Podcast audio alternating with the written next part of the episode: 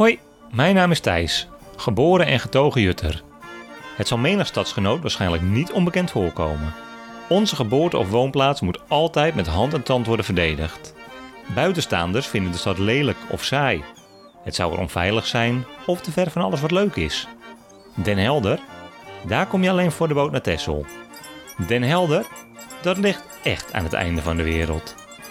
In deze podcast behandelen ik en mijn inmiddels overtuigde vrouw alles wat Den Helder mooi maakt. Van bunkertocht tot bierbrouwerij, van duingebied tot defensie. Want is Den Helder echt wel zoveel minder leuk, mooi en interessant dan andere steden in Nederland? Ga met ons mee op onderzoek naar die allerlaatste halte. Den Helder, helemaal het einde.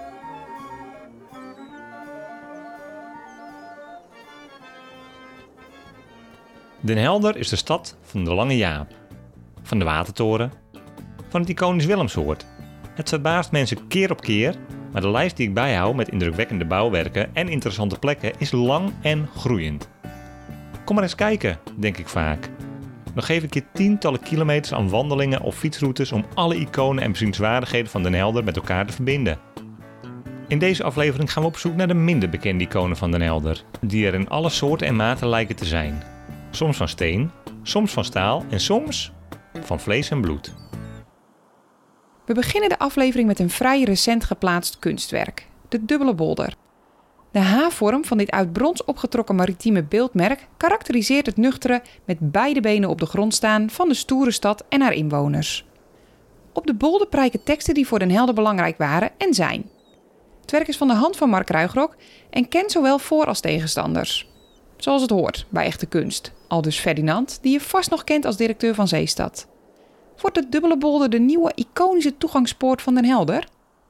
Nou, de dubbele bolder die is natuurlijk eigenlijk uh, ontstaan uh, vanuit het, uh, de ontwikkeling van het hele stationsgebied. En, dus wij hebben de gelegenheid gehad om het stationsgebied in te richten. En we ook het, idee, toen kwam ook uit, uit de inspraak en de beïnvloeding van ja, je moet ook wel duidelijk maken dat er een, een maritieme stad is. En je moet eigenlijk ook op een aantal manieren duidelijk maken als je deze stad binnenkomt, dat je in een maritieme stad komt. Uh, en uh, daar is ook uit voortgekomen eigenlijk van nou, om een kunstwerk op, op een specifieke plek waar nu dan terechtgekomen is, uh, een maritiem kunstwerk eigenlijk te, te ontwikkelen.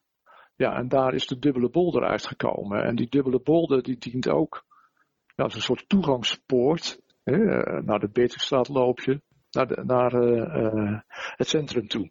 Dus ja, zo, zo, zo ontstaat dan het idee van, nou, vanuit de inspraak, met stationsplein bezig, het moet een maritiem karakter hebben en een maritieme icoon. Maar wat ook een heel aardig is, en, uh, het is, uh, dat, dat ook de, de hoogtepunten van de Helderse maritieme geschiedenis, die staan in korte teksten ook op die bolder. Dus dat, dat is ook dan uh, ja, een uitdrukking, zeg maar, dat je toevoegt. Enerzijds dat je ook kunst neerzet, en kunst is altijd discutabel. Dat is met de dubbele bol natuurlijk ook zo, hoewel dat nog ontzettend meegevallen is. Hij, hij staat er nu alsof hij er al 100 jaar staat, dat was ook de bedoeling. En hij zal er ook nog 100 jaar staan. Hopen wij. Uh, ja, en nu staat hij er. En nu staat hij dus een beetje uh, zwart te worden. Een beetje vies is. Zo van, maar dat hoort er helemaal bij. Het is brons, dus het gaat zo het verkleuren. Wordt het ook wat groener. Je ziet het al gebeuren her en der. Wij willen die, die teksten nog wel wat meer opslijpen. Dat, zullen, dat, dat ze toch weer wat meer in zicht komen, anders verdwijnt het uh, helemaal onder het geheel. Maar dat natuurlijke proces, dat is voor ons ook spannend. Gaat dat het ook wel worden? Maar dan krijg je toch dat rouwen. En pas zei iemand ook tegen mij, als ik een raadslid, ja, hij zegt, dat kan je nou niet, joh, dat is echt, hij zou, Mensen lopen er gewoon langs en voorbij, alsof hij er altijd al gestaan heeft, alsof ze hem niet zien. Ik zei, nou, dat is helemaal goed. Weet je wel, van, dus hij hoort helemaal bij de stad blijkbaar. Niet alleen gebouwen en kunstwerken zijn iconisch voor Den Helder. Ook personen zijn onlosmakelijk verbonden met het karakter en de geschiedenis van de stad. Een van die figuren was redder Doris Rijkers. We gaan langs bij het Reddingmuseum, waar Sascha ons uitlegt wie Doris was en waarom hij tot held uitgroeide. Nou ja, hij, uh, hij was uh, onderdeel of eigenlijk lid van uh, de Reddingmaatschappij. dat was vroeger, nu heet dat dan de Koninklijke Nederlandse Reddingmaatschappij. Maar vroeger, toen hij redder was, waren het eigenlijk twee maatschappijen. een beetje de grens Rotterdam naar beneden en Amsterdam naar boven. Dus die tweestrijd die je nu ook nog steeds wel ziet, die was er toen ook al tussen de Noord en de Zuid, zoals ze dat vroeger noemden. En uh, Rijkers was dan onderdeel van de Noord. En uh, ja, wat dat betekende was dat hij. Uh, ja, hij was eigenlijk vrijwilliger. En hij werd dan opgeroepen als er een boot of iemand in nood was op zee. En dan ging hij altijd uh, vanuit Huisduinen, daar lag dan zijn boot, ging, hij, ging hij het water op om mensen te redden. En het bijzondere van Doris Rijkers, waarom hij ook zo'n grote naam heeft gekregen, is dat hij, hij had echt hart voor mensen. Hij vocht er echt voor om mensen uit het water te kunnen redden. En ehm, er ging ook wel een verhaal dat ja, dat er dan, uh, als er een schipbreuk was of iets.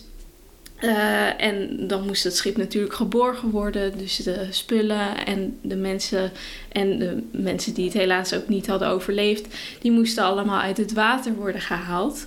En uh, daar kregen ze geld voor. Dus wat heel veel collega's van Doris Rijkers ook deden, was dat ze voor de spullen eigenlijk naar het schip gingen om die spullen op te halen. Want het gekke was dat uh, in die tijd kreeg je meer geld als je spullen uit het water haalde dan mensen. En dat vond Doris Rijkers vond dat zo gek dat hij zoiets had van ja, hoe kan een object of materiaal nou meer waard zijn dan een mensenleven? En dat uh, onderscheidde hem best wel van uh, een aantal mederedders uh, en mensen die ook dan op zee waren. En dat maakt hem, vind ik, dan wel echt een, een heel bijzonder persoon. Een heel bijzonder persoon dus, die Doris. We zijn benieuwd of men pas achteraf de waarde van zo'n heldhaftige redder inzag. Of dat hij in zijn tijd, we hebben het hier over eind 1800, begin 1900, ook al bekend stond als de held van Helder. Ja, hij is best wel ook een groot persoon geweest uh, toen hij nog leefde. Uh, niet alleen in Den Helder. Er gaat ook een verhaal er rond uh, dat hij echt een BN'er is geweest. Er is in ten tijde van zijn leven is er ook uh, wel eens een, een, een, straatinterview gehouden met mensen uh, bij een bioscoop. En dan werd er gevraagd van, kun jij twee bekende mensen noemen uit Nederland? En daar was Doris Rijkers er een van. En toen koningin Juliana volgens mij was de tweede bekende persoon. Dus het is wel heel grappig dat hij dan wel bij de bekende twee mensen zat bij dat interview. Een ware redder die zich zelfs op vergevorderde leeftijd, nog inzetten voor het reddingswezen? Um, hij heeft ook tot best wel laat heeft hij nog uh, uh, ja, eigenlijk dienst gedaan als redder. Um, en uh, er gaat ook een verhaal dat, dat hij helemaal niet rijk was. Um, maar dat hij, ja, hij deed het gewoon uit liefde voor de zee en voor de mensen. Dat hij alsnog redder bleef. Um, en als dan het alarm ging van joh, uh, je wordt weer opgeroepen om op zee te gaan, dan moest hij een heel stuk rennen.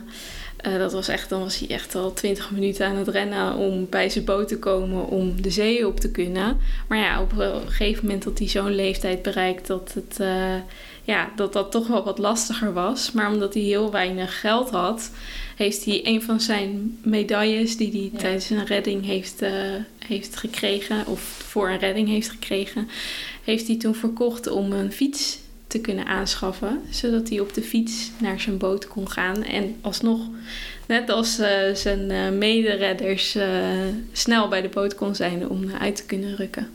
Het zal jullie niet ontgaan zijn. Wij zijn dol op goede verhalen.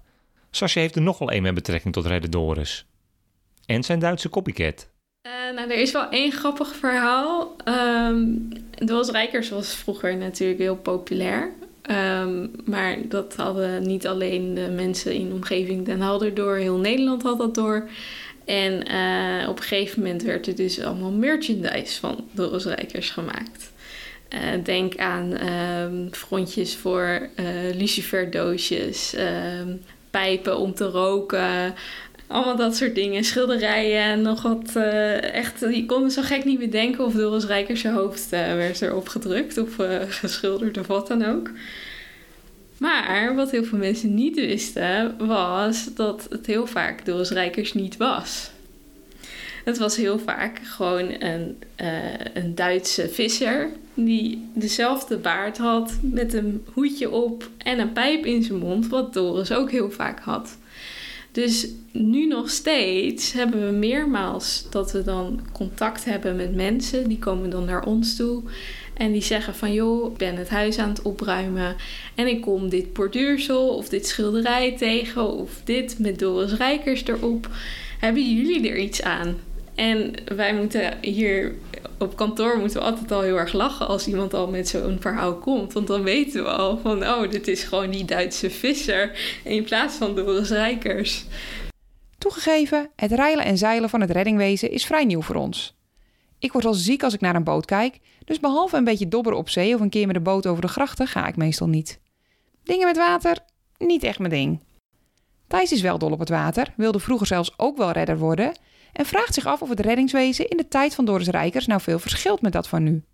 Ja, het is natuurlijk uh, wel wat zwaarder dan nu. Nu hebben we natuurlijk uh, reddingboten met een motor erin. Maar vroeger moest je gewoon roeien. Uh, dus uh, dan zat je vaak met z'n twaalf in een boot. En uh, ja, dan was het met wilde zee. Was het echt roeien voor je leven. En dan was je vaak helemaal uitgeput. Kwam je dan aan bij het schip wat in de problemen was. En dan moest je nog aan boord om of de mensen te redden of om te helpen. En dan moest je nog terugvaren. dus het, ja, het was vroeger was het echt nog een stuk lastiger dan nu. Ik wil niet zeggen dat het nu makkelijker is. Want het is nog steeds steeds best wel een pittige taak die uh, de mensen op zich nemen. Maar uh, ja, ik denk niet dat het te vergelijken is met hoe het er vroeger aan toe ging. En helden? Mensen zoals Doris, bestaan die nog? Uh, ik denk het niet. Maar ik denk meer omdat het komt door de mentaliteit en de houding van de mensen die op dit moment werken voor de KNRM. Het zijn hele nuchtere mensen. Uh, ze houden er helemaal niet van om opgehemeld te worden. En het voelt meer als ja, wat ze erbij doen dan dat ze echt uh, zichzelf een schouderklopje geven van kijk mij redder zijn. Um, we hebben ook heel vaak de vraag gesteld aan uh, oud-redders: uh, van joh, zie je jezelf als held? Nou, dan was het antwoord heel vaak ook nee, eigenlijk niet. Nee. Terwijl ze best wel vaak ook heel veel mensen hebben gered. Het Reddingmuseum is een beetje een ondergeschoven kindje in Den Helder, maar won meermaals prijzen als leukste uitje voor kinderen en wordt bovendien bijna volledig gerund door vrijwilligers. Best bijzonder. We vragen ons af of het ook leuk is voor mensen van, laten we zeggen, onze generatie. Ja, ik denk het wel.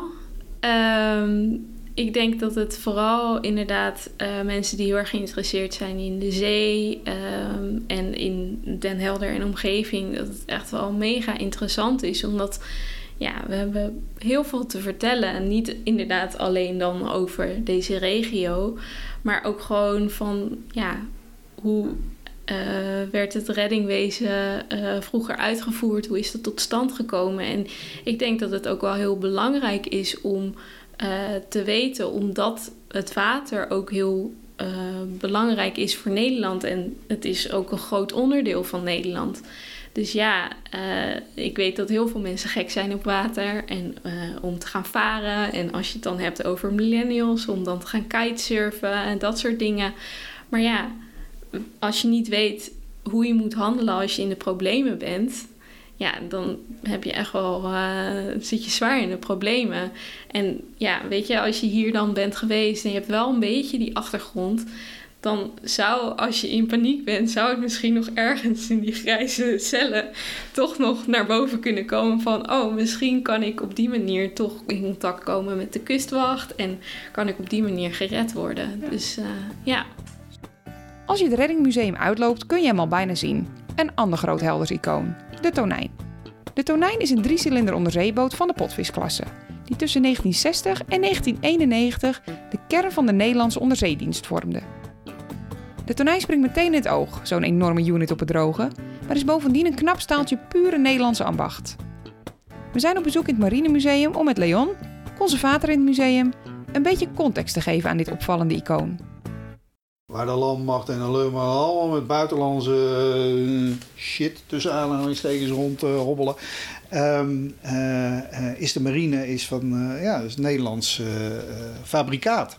En um, de tonijn dus ook. En um, die moet je zien in de, het, het Koude Oorlogverhaal. begin, eind jaren 40 zo'n beetje. Dan de onderzeedienst heeft het goed gedaan in de oorlog. Hè? Dus dat is, die gaan we niet. Deze ook nog, wordt natuurlijk ook weer over gesteggeld. Moeten we die behouden? Jazeker. Die heeft het tenminste goed gedaan in de oorlog. Dus oké, we gaan ook onderzeeboten bouwen. Prima. Wat voor dan? Nou, dat wordt dat allemaal ontworpen en, en een heleboel ontwerpen passeren de revue. Uh, en er moet er geld voor komen natuurlijk. God, daar zijn we weer. Ja hoor, geld. Nou, dat is er natuurlijk weer niet. Uh, want we moeten ook nog kruisers en onderzeebootjagers bouwen. Die worden op een of andere manier, oh is het onmogelijk, altijd weer duurder dan dat ze uh, in, in het begin op papier hadden, hadden moeten kosten. En nou, afijn, dus die onderzeeboten, die vernieuwing, dat, er worden vier, in eerste instantie twee en later nog twee onderzeeboten worden er gebouwd.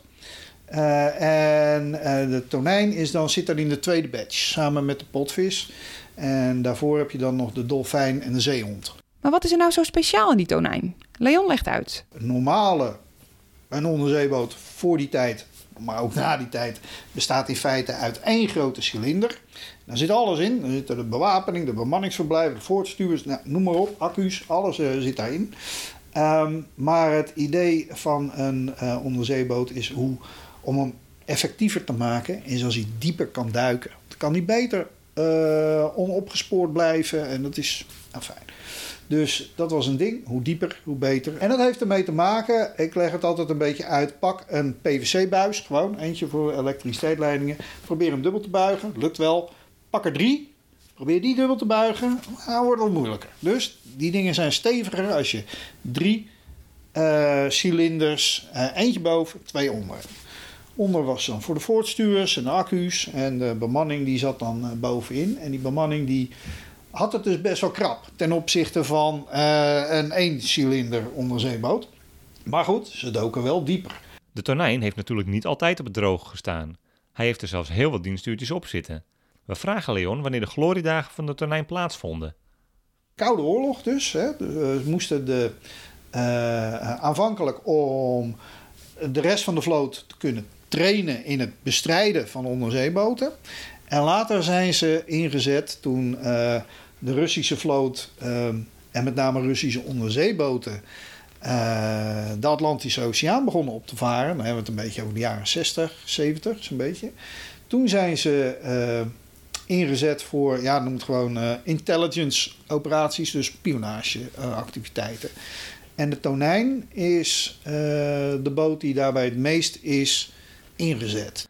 Leon heeft ook nog een sterk verhaal over deze metalen dibbes, trouwens. Uh, met commandant uh, Driekes Heij, over sterke verhalen gesproken. Maar goed, die is in de Middellandse Zee, is die onder een... een uh, ze kregen een splinternieuwe Russische onderzeeboot in het vizier bij, voor de kust van Libië. Daar was een Russische ankerplaats, ruim op zee. Dus daar kon je met je onderzeeboot kon je daar in de buurt komen. Dan kon je zelfs onderdoor. Dus die zijn onder die Russische sub doorgevaren. Hebben met periscoop, daar kon je dan een, een uh, fotocamera op uh, bevestigen. Hebben ze klik, klik, klik, klik, klik. Zijn ze onder die onderzeeboot doorgevaren. En dan konden ze de, uh, nou ja, hoe breed was het ding en hoe was zijn, zijn onderwatervorm, maar ook zijn schroeven. Heel belangrijk, want dan kon je weer allerlei geheime dingen uit ontrafelen. Een heel technisch verhaal. Maar om maar aan te geven dat, dat dit ding, die tonijn, die nu uh, hier staat uh, sinds de jaren 90, ja, begin jaren 90 uit dienst gesteld, uh, ja, is gewoon een, een van de belangrijkste toonbeelden van, van Nederland en de Koude Oorlog. En volgens mij ook het meest kostbare ding wat ooit in Nederland is gebouwd in het kader van de Koude Oorlog en nu nog bestaat. Dus ja, vind ik fantastisch. Je ziet, Den Helder barst van de iconen en dan hebben we er in deze podcast pas een paar behandeld. Als je Den Helder echt wilt leren kennen, laat je dan vooral eens verrassen. Stap op de fiets en zie wat voor mooie, ontroerende en stoere verhalen deze stad allemaal heeft weten te verbergen. Je luistert naar Den Helder helemaal het einde. een podcast gemaakt door Van Verhalen in samenwerking met City Marketing Den Helder. Wil je meer weten over Den Helder? Ga naar www.denhelder.online.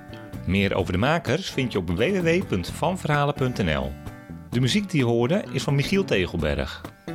Rest ons alleen nog alle gasten die wij het hemd van het lijf mochten vragen over alles wat Den Helder mooi, puur en interessant maakt te bedanken. Bedankt! Den Helder. Het eind van de wereld, zeggen ze. Het land houdt daar gewoon op. Nou, voor mij is het ook het einde. Ik vind het gewoon helemaal top. En waarom? Misschien komt het wel door de wind in je haren. Of misschien komt het wel door het licht. Of misschien komt het toch door de schepen die varen. Misschien door het eindeloos zicht. Misschien komt het wel door de zonneuren. Misschien door de zuivere lucht. Misschien door het steeds naar de horizon turen. Naar duizenden ganzen in vlucht. Misschien zijn het toch al die wolkenfiguren. Den helder houdt nooit op. Het is gewoon top.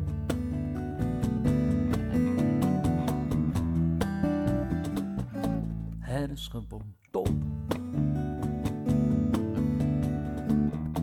Ik weet niet hoe ik het zeggen moet en ik weet niet hoe het komt.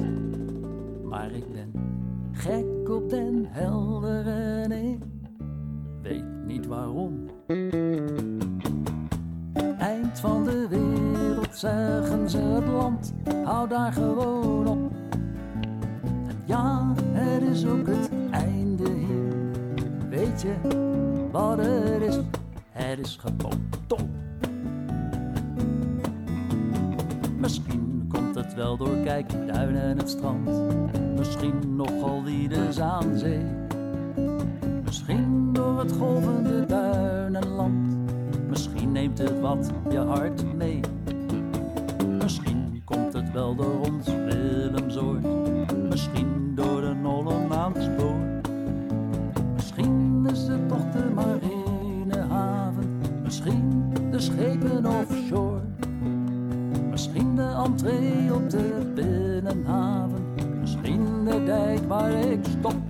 Het is gewoon top.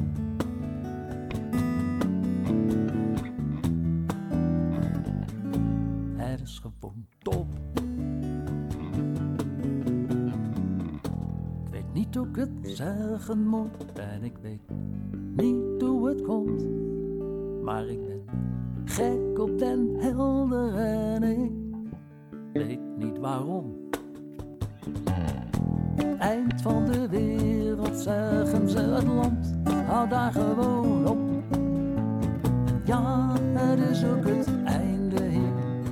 Echt, het is helemaal het einde hier. Voor jou, voor mij, het is het einde hier. Weet je wat het is? Het is gewoon top.